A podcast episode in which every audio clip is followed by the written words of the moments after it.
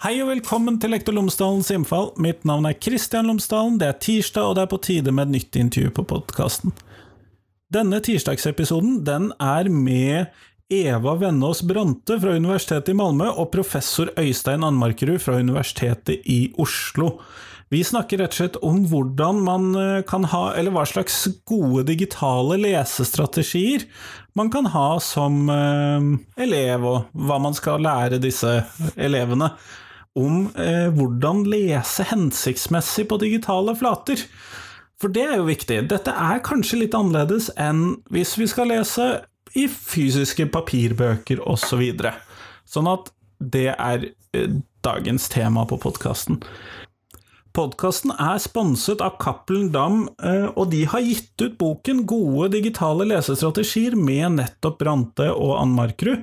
Og hvis du går inn på Cappelen Dam, eller i hvilken som helst bokhandel i Norge, så kan du finne boken Gode digitale lesestrategier der, hvis du har lyst til å lese mer om det etter å ha hørt intervjuet.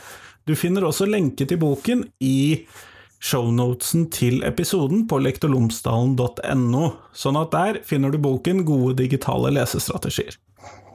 Her får du intervjuet med Eva og Øystein, vær så god.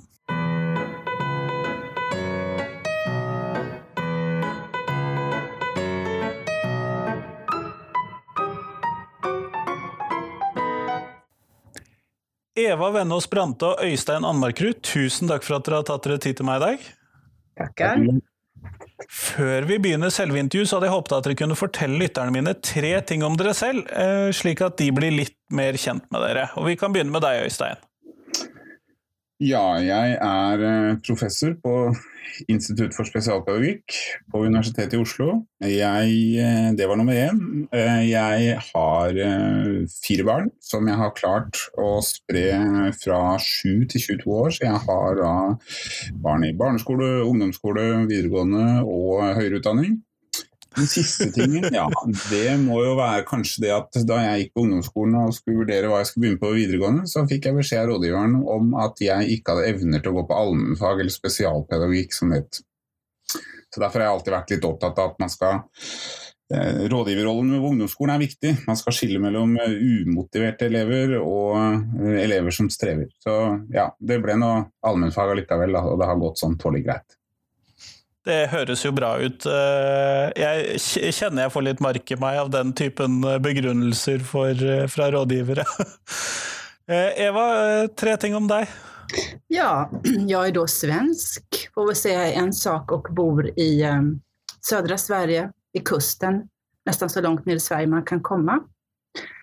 Jeg arbeider på Malmö universitet som docent i pedagogikk og underviser mye på lærerutdanningen blivande grundskollärare, hur de ska undervisa i svenskfaget.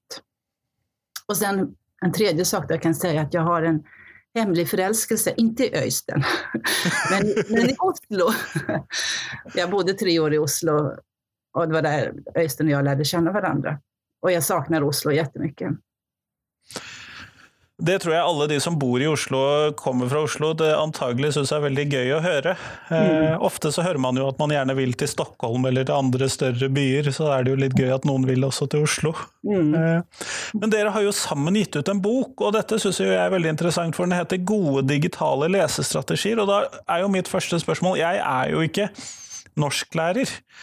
Er det så forskjellig hvordan man lærer å lese, eller hvordan man skal lese på digitale flater og på fysiske flater?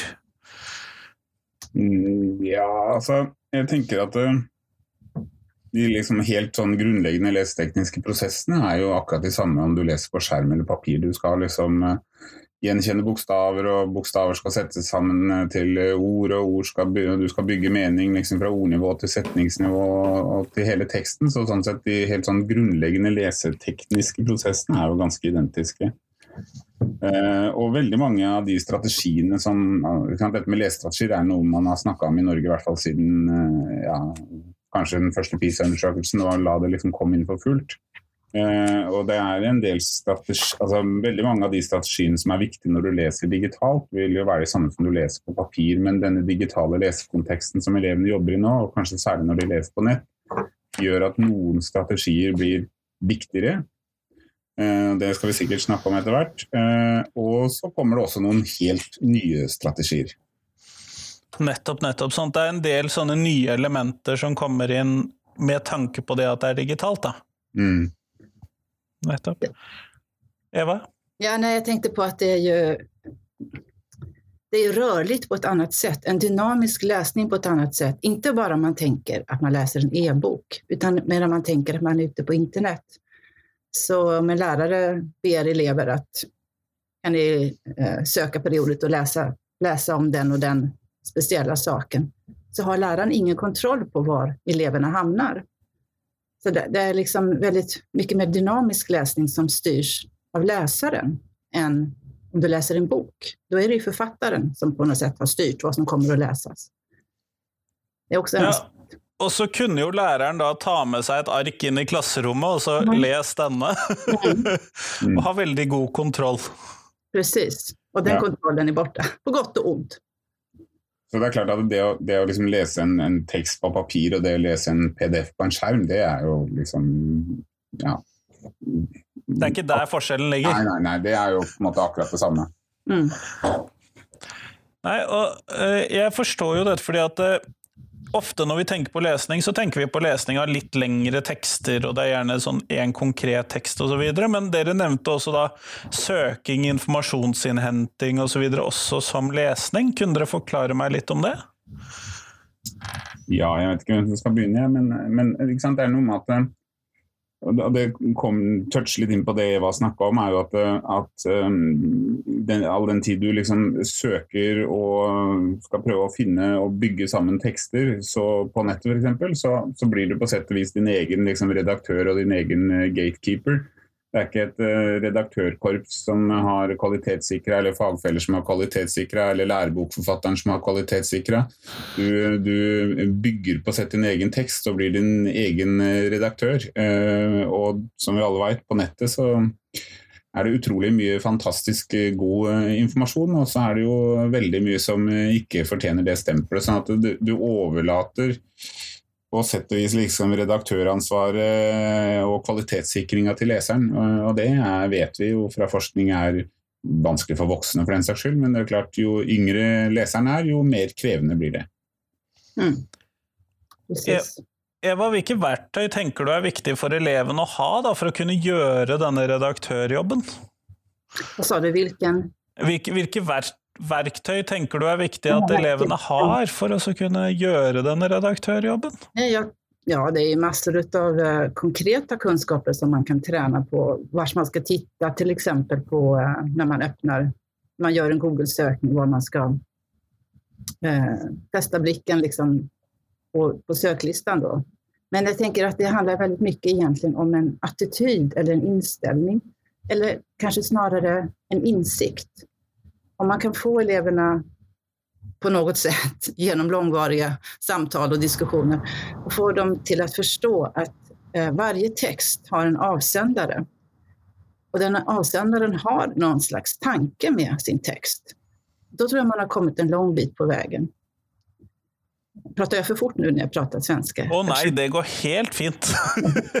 du pratar långsamt och tydligt. Ja. nei, det går bra, men hvis dere skal trekke Eva, fortsett.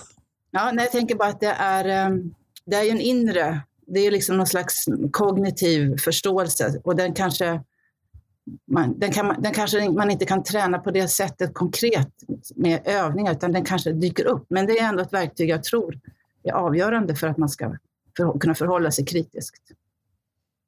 For her sier dere jo noe, fordi at sånn som når jeg, eh, når jeg selv gikk på skolen, så ble vi i hvert fall fortalt at det står i læreboka 'ergo er det riktig'. Mhm. Og det holder vel ikke nå lenger, Øystein? Nei, det, det, det gjør ikke det. Uh, og uh, jeg vet ikke om det holdt når vi leste lærebøker heller. Jeg tenker at dette med kritisk lesing har man jo vært opptatt av i skolen i, i alle år. Uh, også jeg holdt på med det i forrige årtusen da jeg gikk på skolen. Eh, men det er klart at det å, å, å, å, stille seg spørsmål til teksten, hva, hva er hensikten til denne avsenderen her? Eh, vil den informere meg? Vil den selge meg noe? Vil den eh, overtale meg til noe? Det å ta den type kritiske spørsmål, og det er viktig. fordi vi vet jo fra forskning at, at når elever også oppover i, på universitetsnivå eh, går på nettet for å finne informasjon, så er man uh, ofte har forskning vist at de, det, liksom det, viktigste kriteriet når de leter etter informasjon, er det, er det relevant? Handler det om det som jeg skal finne ut av? Det er mye mindre grad at de stiller spørsmål som men kan jeg stole på det? Er dette troverdig? Eh, hva er det denne forfatteren vil med denne teksten? Eh, så Det er liksom det å, å hjelpe elevene til å liksom gå fra det å se etter om det handler om det riktige, til om, om det er en, en, en god tekst som, som, eh, som, er troverdig. og Det forutsetter jo kritisk lesing, eller det som man kaller for sourcing da, på dårlig norsk. Kritisk kildevurdering. Mm. Eh, men hvis vi da skal gå over til de mer konkrete lesestrategiene, da, eh, hvilke lesestrategier er det dere vil trekke fram som de særlig viktigste når vi da skal drive med den digitale lesingen, letingen, eh, innhentingen, ja, i det hele tatt? Mm. Eva?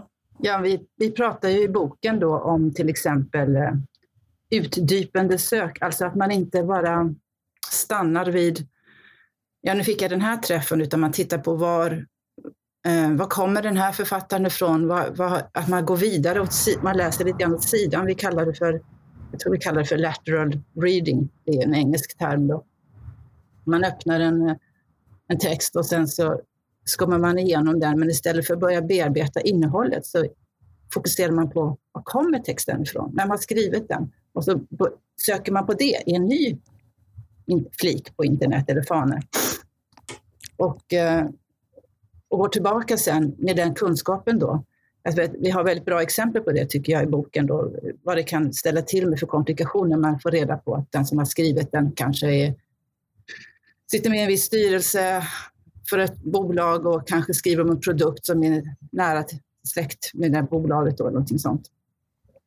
Eh, så det tror jag är en väldigt viktig strategi, att, att inte liksom bara fokusera på min sökträff utan göra någonting med den här träffen och granska det närmare. En annan sak som jag, strategi som vi talar om också, det är att sakta ner, tänka efter. Och det är väldigt svårt för elever, för de är väldigt lösningsinriktade ofta. De vill hitta svar, det ska vara snabbt, nu är det klart, nu går jag vidare. Jag vet inte vad du säger Øystein, som de viktigaste jo, jeg, jeg, er opptatt av dette med, med, utdypende søk. og Det er noen studier som, som, har sett på hvordan er journalister jobber når de leter etter informasjon på nett.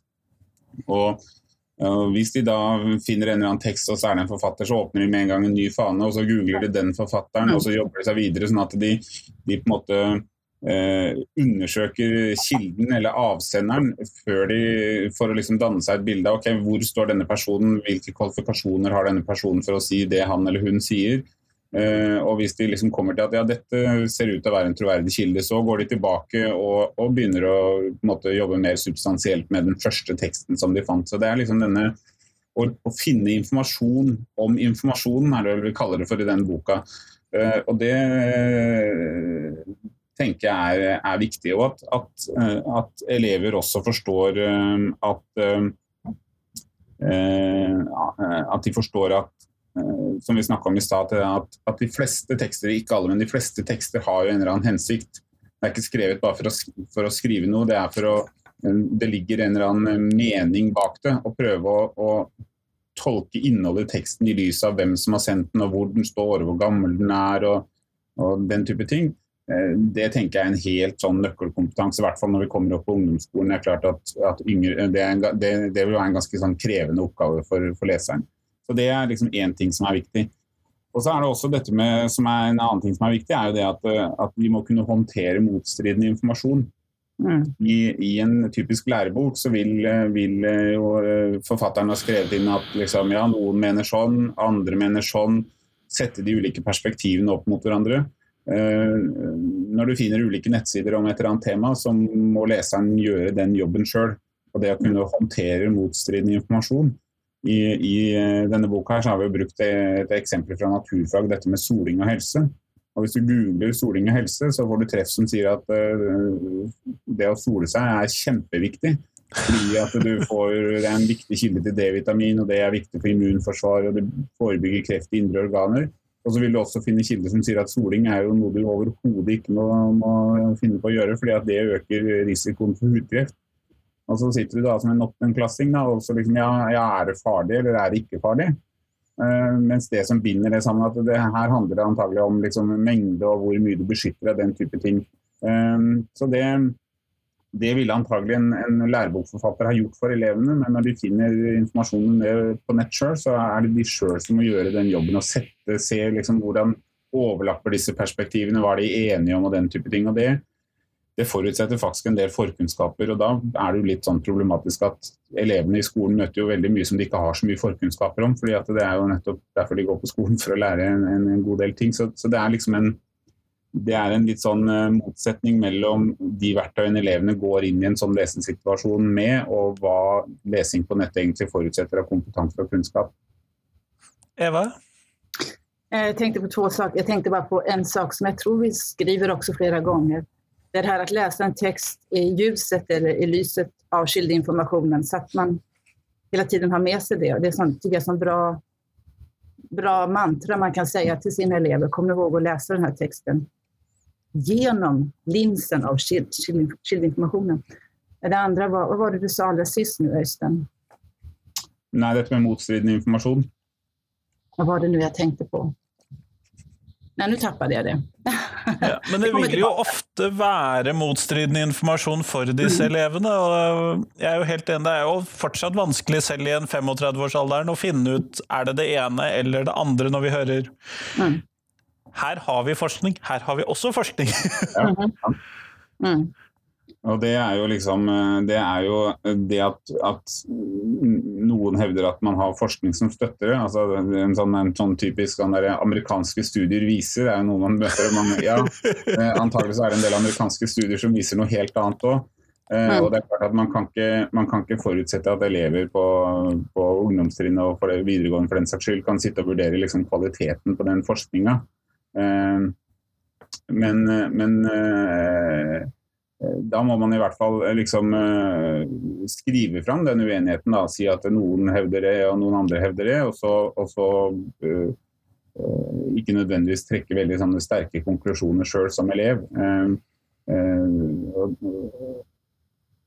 og, det er vel Så lenge man bare går etter dette relevanskriteriet, så mister man jo også ofte en del av den uenigheten som er i et felt. Altså det, det, handler også om at elevene må liksom lære seg at ok, men da her er, virker det som det er eh, flere ulike perspektiver. Da må jeg i hvert fall beskrive de ulike perspektivene, sånn at, eh, at eh, både jeg og den som skal lese det jeg holder denne presentasjonen om, eller skriver denne teksten om, ser at, at her er det ikke én fasit. Så det, det, å håndtere den usikkerheten er jo også noe med Og så tenker jeg at det er viktig at, at da må jo en lærer kunne gå inn og, og hjelpe elevene med å måte, se hva, uh, hva fremstår som mest troverdig av disse ulike perspektivene. Mm. Det, er, det, er, en kjempevanskelig oppgave som man ikke kan forvente at elevene klarer sjøl. Nej, och mycket av den information de hittar på internett er jo ikke anpassad til barn og ungdomar å läsa heller. Den er ju ja, svår för dem att förstå överhuvudtaget. Mm. Knapt egnet for voksne, kanskje, av og til? til, til og fra, ja. Nei, men jeg tenkte på det du sa, Øystein, at uh, det viktigste er vel kanskje ikke å finne en sanning, utan det viktigste er å liksom på något sätt kunna orientera sig och också se hvor kommer det påståendet ifrån? Hvor kommer det påståendet ifrån? Og, hvem, og varför, varför är det rimelig at den personen sier si og den så? Altså bilda seg den ja, oversikten, helt enkelt. Jag tror att vi många gånger i skolan, nu har jag själv varit lärare i många år då, så att jag vågar, vågar säga det. Jag tror att vi många gånger i skolan är väldigt produktinriktade och alldeles för lite processinriktade. Alltså produkten kan vi sätta en karaktär på, men hur gör vi det på processen? processen ja, nej, det är ju nästan omöjligt. Ja, men processen är minst lika viktig för att det ska bli en god produkt i slutändan. Så måste ju, man, man måste jobba med processen också ja, Nettopp, nettopp. Men når vi da sitter og så henter fram alle disse dokumentene, og vi henter fram flere kilder, vi har kanskje en lærebok som bidrar med noe, og så har vi fire-fem forskjellige nettsider som sier mer eller mindre det samme. Eh, hvordan skal vi klare oss å lese alle disse på tvers? Altså hvordan skal vi kunne få en oversikt eller klare dette helhetsbildet da, som er nødvendig da, hvis vi skal sette sammen flere sider? Ja, der, der er du jo inne på, på eh, noe viktig. Vi har eh, i denne boka så, så har vi jo eh, noen konkrete strategier på det. Jeg tenker at, at, hvis man lager seg et dokument eller skriver for hånd, eller hvordan man enn gjør det, at man, at man lager eh, en oversikt hvor man eh, har med liksom hovedinnholdet i hver eh, kilde man har funnet, enten det er læreboka eller det er noen nettsider. Eh, at man har en vurdering av hvor troverdig er det jeg vurderer denne kilden å være. Er det liksom en eller annen kommersiell interesse? Altså Hvis vi går tilbake til dette soling, sol- og helse-eksempelet. Hvis man finner en nettside som som skriver at eh, det å ta solarium er, eh, er eh, viktig for D-vitamin, men den stammer fra hjemmesiden til en solstudiokjede, så ville jeg jo notert meg det i margen. At ok, her er det jo åpenbart noen som har interesse av at vi skal ta så mye sol som mulig. Så hvis man liksom er bevisst på å liksom knytte kildeinformasjon til, eh, til innholdet i hver av de dokumentene man får, så, så vil man kunne skaffe seg liksom en oversikt over ok, hvordan står disse her i forhold til hverandre. Um, så det handler, det handler, igjen om dette med å være, liksom, se innhold i lys av kildeinformasjon. Uh, og, ja, Eva? Ja, jeg tenkte bare si, Sen handler det om at uh, det er elever som uh, kanskje er 12, 13, 14, 15 år som gjør det her. Vi kan jo, man får jo ha forventning liksom, på rett nivå der. Da. Men om de enda kan begynne bygge den her eh, forståelsen at mellom tekster så er det veldig mye vunnet, tycker jeg. Vi kaller det for relasjonskarta, tror jeg. Relationskart, Relationskart, ja. I boken, som eh, vi har noe eksempel på det der. Ja. Og hva er et sånt relasjonskart? Ja, men Det er precis det Øystein beskrev. at Man eh, bare, oh, ja, det er nettopp, nettopp. Ja. Man bare ritar opp liksom uh, for hand ja. med bokser på, på datoren. Da. Det her, den her kan man si hovedbudskapet i denne teksten, og det er en sånn forfatter, den har den kompetensen och kanske också hur ska jag värdera, värdera det i förhållande till det här temat. Och sen så får man en sån bild till sist. Jag tror den här visuella bilden kan hjälpa elever. Det är ett steg som jag tror att det är viktigt för dem att göra. Och för mig också om jag ska jobba med forskning till exempel. Jag behöver också orientera mig såklart. Nettopp, for det høres jo strategisk lurt ut. fordi at eh, det, Når jeg nå så dette kartet som du viste meg, Eva, som er i boken, mm -hmm. så forsto jeg det Øystein sa der enda tydeligere. Det ble tydeligere for meg at det var lettere å hente ut og sette tekstene i mhm. forhold til hverandre. Og Det å ha en sånn type visuell støtte er nok uh, veldig viktig for elevene. Så tror jeg også at dette er noe som man bør liksom øve på før man nødvendigvis slipper de løs på det åpne nettet. Og, og da da kan man jo eh, som lærer begynne med ganske sånne konkrete og enkle eksempler. altså Begynne med, begynne med to nettsider eller to tekster da, som står på litt ulik side, eller to tekster som handler om det samme, men hvor forfatteren eh, har ulik kompetanse eller kildene har ulik troverdighet. og det å jobbe med å få, få elevene til å liksom se den forskjellen. For det vet vi jo også fra forskning at at elever de, de bruker veldig lite tid på sånn kildeinformasjon. Altså et sånt litt banalt eksempel. De fleste, eller Veldig mange nettsider har jo en sånn om oss-bane. Og Det er gjort en del studier hvor man ser om vi går elevene inn for å sjekke ja, hvem er det hvem er det nå som driver den nettsida, eller hva slags type person eller organisasjon eller firma er som står bak. Den type informasjon det går elevene veldig lite inn på. Så det å liksom få en bevissthet om at man hver gang man finner en tekst på nett, ja kanskje ikke hver gang, det kommer litt inn på hva du skal gjøre, da. Men, eh, men eh, det å liksom eh, rette oppmerksomheten mot den kildeinformasjonen, og at lærer tar et ansvar for å snakke om det i klasserommet og diskutere det og demonstrere det. Jeg er litt opptatt av at de fleste klasserom har jo nå smartboards eller eh, en eller annen form for digital eh, framstillingsmåte som gjør at man kan ta ting i hel klasse på skjerm. og det å, og rett og slett liksom, At læreren er en modell og viser og demonstrerer og tenker høyt. Når mm. jeg leser, kommer inn på en nettside, så gjør jeg sånn og sånn. Da får elevene både se hvordan en dyktig leser gjør det, og hvis læreren tenker høyt, så får elevene også innsikt i den tenkningen som ligger til grunn for, for de ulike strategiske handlinger som den læreren gjør. Altså det, det handler om å liksom gi elevene kunnskaper og et språk å snakke om det på, og noen helt konkrete framgangsmåter på, på hvordan de kan gjøre det. Da må jeg bare innrømme det at når jeg tenker etter når du prater nå, så må jeg innrømme at jeg besøker stort sett den Om oss-fanen når jeg tviler på innholdet, eller når jeg er skeptisk, eller det passer ikke inn med det jeg tenker i utgangspunktet. Er det noe dere finner sånn generelt også, eller at man har funnet generelt? Jo, men det, jo, når, man, når, det ikke stemmer med ens egne oppfatninger, da er man mer benägen att uh, kritisk granska. Men man borde göra det även när det stämmer med ens egna uppfattningar. Men här är det viktigt då att läraren faktiskt skapar ett eh, sånt undervisningsmaterial som, som innehåller saker som gör att elever börjar tänka och, och, och fundera och ställa sig skeptiska då, för att uppmuntra den här kompetensen. Det finns också studier kring det här. Jag kommer inte ihåg om det är som har gjort noen studier om dette. Jo, det er jo også noen norske studier som, som viser at, at uh, Det er vel gjort på videregående elever, som viser at, at hvis det er et tema Der var det en, en studie som, som Tonje Stenseth nede på, på um, Universitetet i Sørøst gjorde, hvor de hvor elevene fikk lese om eh, global oppvarming, en haug med ulike tekster, og de leste om, eh, om, dette med atomenergi som sikker informasjonskilde. Og da så man at elevene var mye mer opptatt av kildene når de leste om atomkraftverk, fordi det var noe som det er et tema som de hadde mindre forkunnskaper om. og Det var en veldig grundig, masse spennende, altså det er en spennende intervjustudie hvor de snakka med elevene etterpå. Og elevene følte at de kunne mer om global oppvarming, ergo så stolte de litt mer på sine egne vurderinger. Mm. Så det er klart at hva du kan om et tema, eh, og ser jeg at okay, stemmer nå dette helt i forhold til det jeg kan, så og hvis man i hvert fall litt eldre elever føler at eh, her kan jeg ikke så mye, så ser man at de blir litt mer, ikke veldig mye, men litt mer opptatt av kildeinformasjon. Så det er klart det, det spiller inn.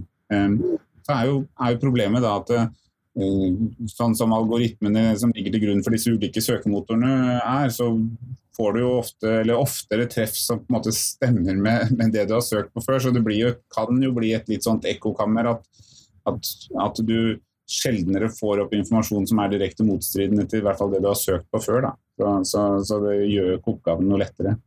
Mm. Men eh, Eva, har dere gjort noen tanker om dette her med å teste elevene med fake news for å få de til å øve opp dette, eller er det mer sånn på siden av eh, det dere har tenkt på, gjort og jobbet med i denne boken?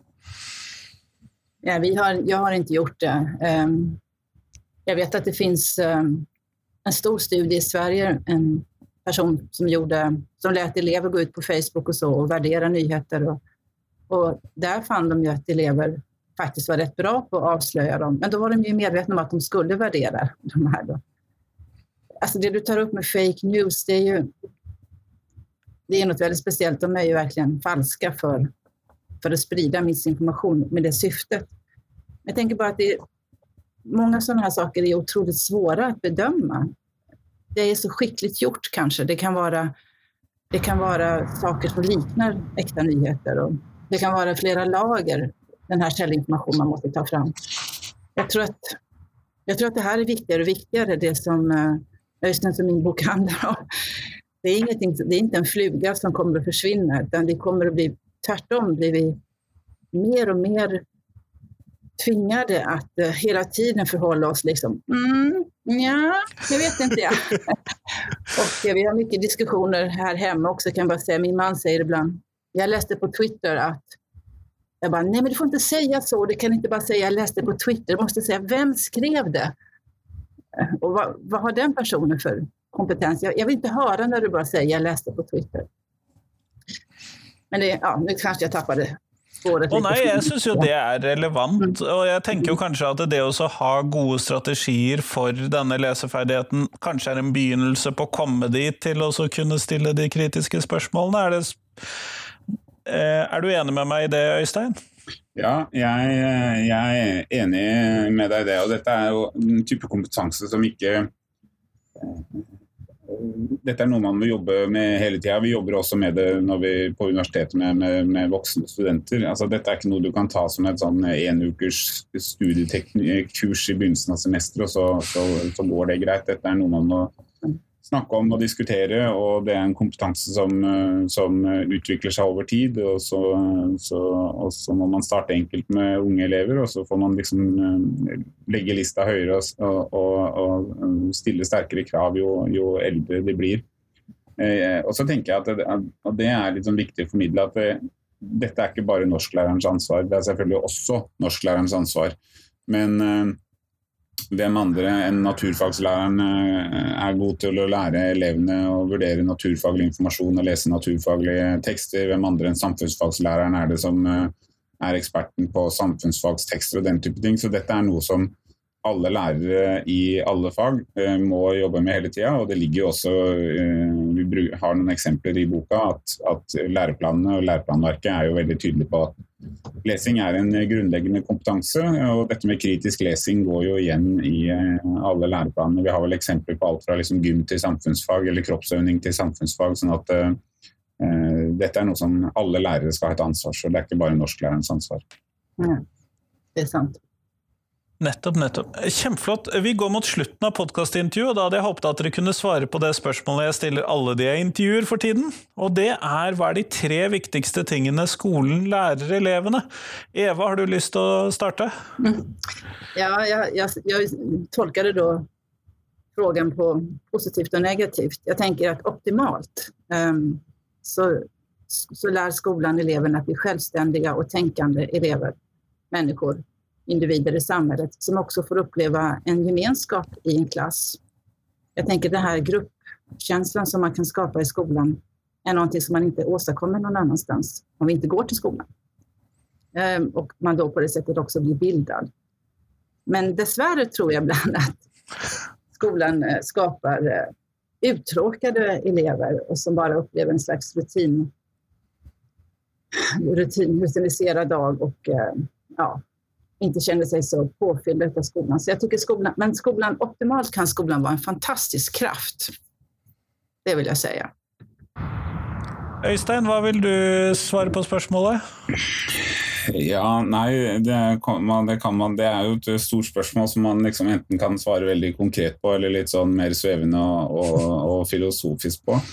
Men jeg tenker at eh, det, det, handler ikke så veldig nødvendigvis så veldig mye om lesing, men jeg tenker at, det, jeg tenker at den, liksom den, viktigste oppgaven som uh, skolen har, er å utvikle unge mennesker som har en tro på, på egne ferdigheter, altså en, en selvtillit knytta til eh, at, at, jeg får til noe. og så for hva, hva, det er man får til, vil jo selvfølgelig variere fra elev til elev. men men det å sikre liksom, eh, elevene gode mestringsopplevelser som gjør at de, de går ut av skolen med, med en tanke om at, at, jeg kan noe, eh, det er et ganske sånn eh, svevende, svevende svar. Men, men hvis du i etterkant av at du har gått på skolen har en følelse av at jeg ikke er god eller jeg får ikke til, eller, så tenker jeg at skolen har svikta. Mm. Kjempeflott. Tusen takk for at dere ble med på podkasten i dag. Takk for at vi hyggelig. Takk for at vi fikk komme. Ja, takk så jettemye.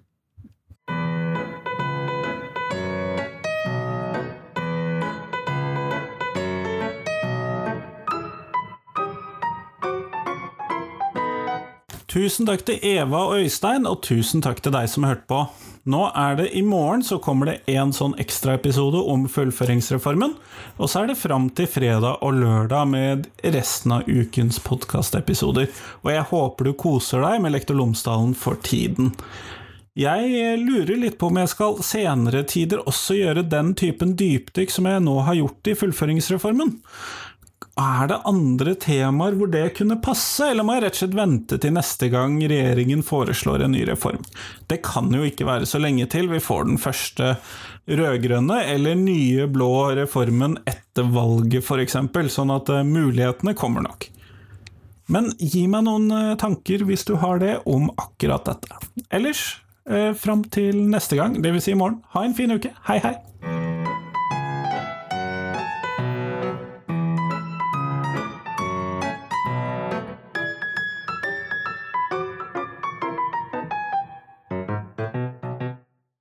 Husk at hver eneste torsdag så kommer jeg ut med et uh, Tenketorsdag-bilde, hvor jeg stiller et spørsmål jeg tenker er viktig å reflektere over for norsk skole.